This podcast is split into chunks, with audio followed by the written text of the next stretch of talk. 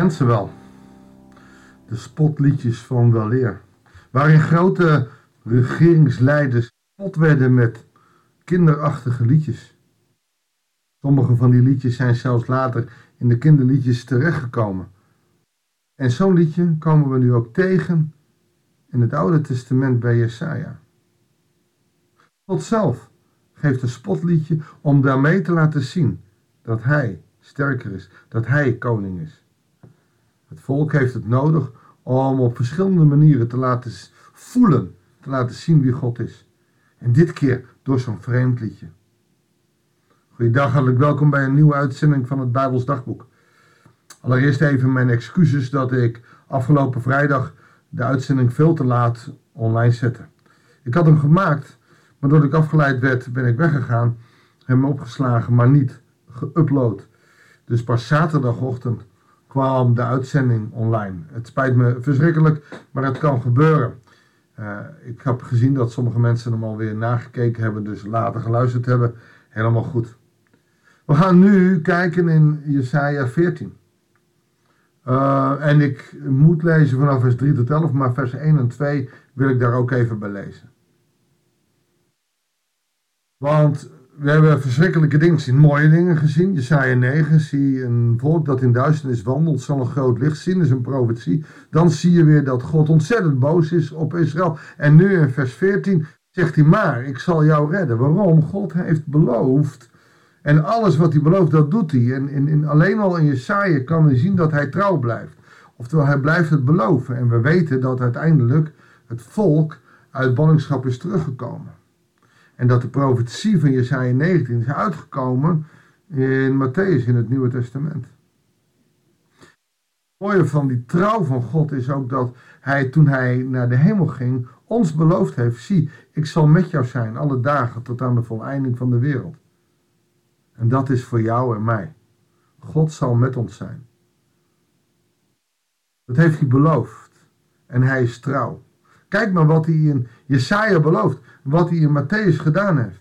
Oftewel, het Oude Testament staan profetieën die voor een deel al uitgekomen zijn in het Nieuwe Testament. Een aantal moeten nog uitkomen. Maar dat is wel de kracht van de profetie. Laten we gaan lezen in Jesaja 14, de versen 1 tot en met 11. Maar over Jacob zal de Heer zich ontfermen. Weer wordt Israël uitverkozen. Dat is genade. Weer wordt Israël uitverkoren uitverkozen. Ik kies voor jou. God blijft voor zijn kinderen kiezen. Wat ze ook doen, hoe slecht ze ook zijn. Ze krijgen een tik op hun vingers, ze krijgen straf, je gaat in ballingschap. Maar hij blijft Israël uitkiezen. En wee de gebeente als je dan aan zijn kind zit.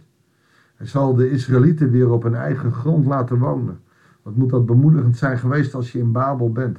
We krijgen weer hoop. Vreemdelingen zullen zich bij hen aansluiten en zich voegen bij het volk van Jacob.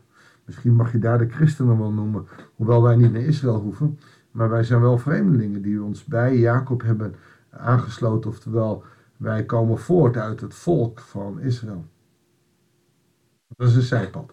De andere volken zullen de Israëlieten halen en hen terugbrengen naar hun eigen land. Daarna zullen de Israëlieten die volken in bezit krijgen, als slaven en slavinnen. Oftewel, de vijand zal worden overwonnen en op het grondgebied van de Heer ze zullen gevangen nemen wie hen gevangen hielden en heersen over wie hen overmeesterd hadden. Ook al sturen ze ze terug, ook al werken ze eraan mee.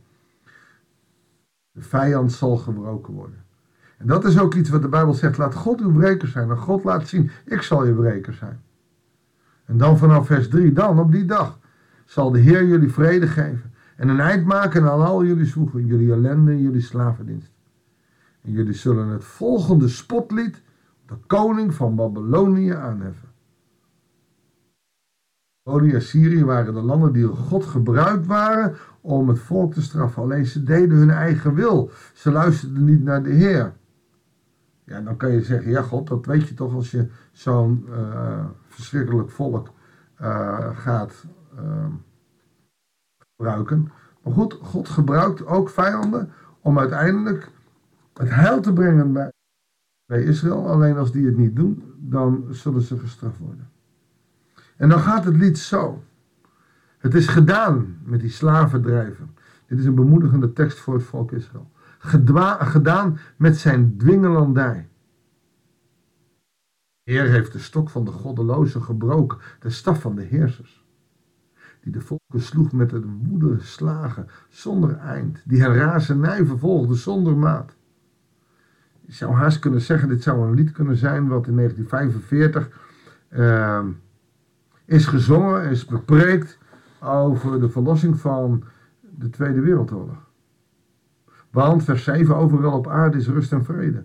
Vrolijk gejubel weer klinkt. We kennen allemaal hoe het volk uh, jubelde omdat er overwinning was. De Duitsers waren weg. Maar goed, dit gaat over Israël. En er staat zelfs de Cyprussen verheugen zich en ook de Cedes van de Libanon. Nu jij geveld bent, komt niemand ons meer vellen.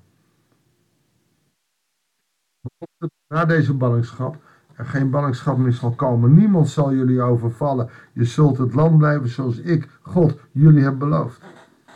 Het bijzondere is dat het volk Israël nog steeds bestaat. Misschien wat minder godvruchtig en misschien wat meer op zijn ik gericht, maar het bestaat nog steeds, want God is trouw. Maar dan komt er het couplet van dit lied op de vijand, op de Babyloniërs. En dat is eigenlijk, nou, dat is echt een spotlied. Luister maar eens. Als er staat het dodenrijk beneden is een rapperoer. Om jou een ontvangst te bereiden. Oftewel, uh, de duivel heeft in de hel even een commissie uh, klaargezet. Gaat hier versieren, want er komen nieuwe klanten. Oftewel de Babyloniërs. Dekt de schimmen voor je op van alle leiders van de aarde. Oftewel, daarin in, in het, de Gehenna, daar kom je anderen tegen. Hij laat de vorsten van vreemde volken voor jou opstaan van hun troon. Je wordt groots onthaald. Hoor hoe zij je onthalen. Nu ben je even zwak als wij. Je bent echt een van ons. Hoor je het sadisme? Hoor je het sarcasme uit de hel? Nu ben je een van ons. Je hebt niks meer. Even zwak als wij, je hebt niks meer te zeggen. Je kan wel een Babyloniër zijn, je kan wel, maar wij zullen uiteindelijk eh, evenveel zijn als jij. Je pracht en je praal en de klanken van je harpen, ze worden dit dodenrijk binnengebracht. En in plaats van een, een bed met satijnen en linnen lakens, krijg je het volgende. Wormen zijn je bed, maden zijn je deken.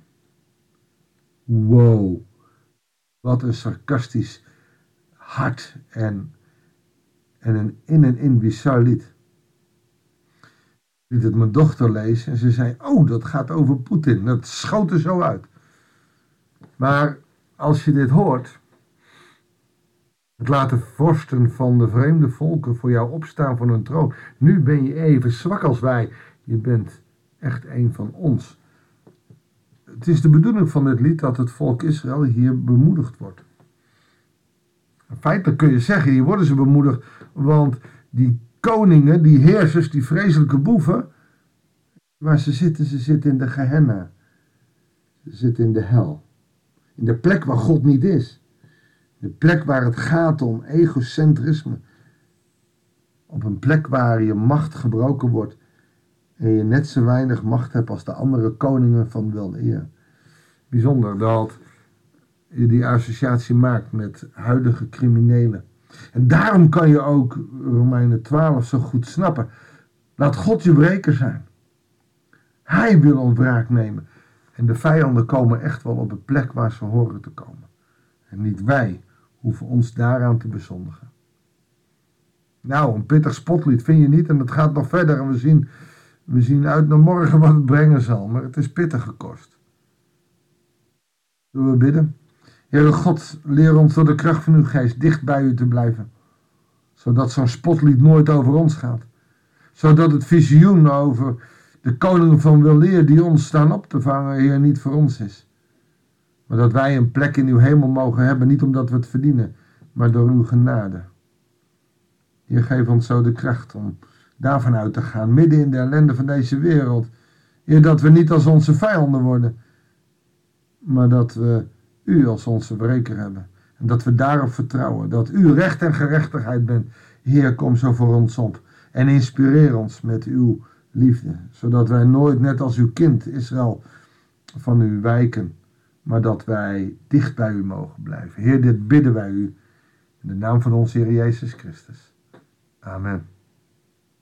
Dankjewel voor het luisteren. Ik wens je God zegen. Een pittig begin, een pittig hoofdstuk aan het begin van deze week. Het komt goed. Veel zegen en graag tot de volgende uitzending van het Bijbelsdagboek.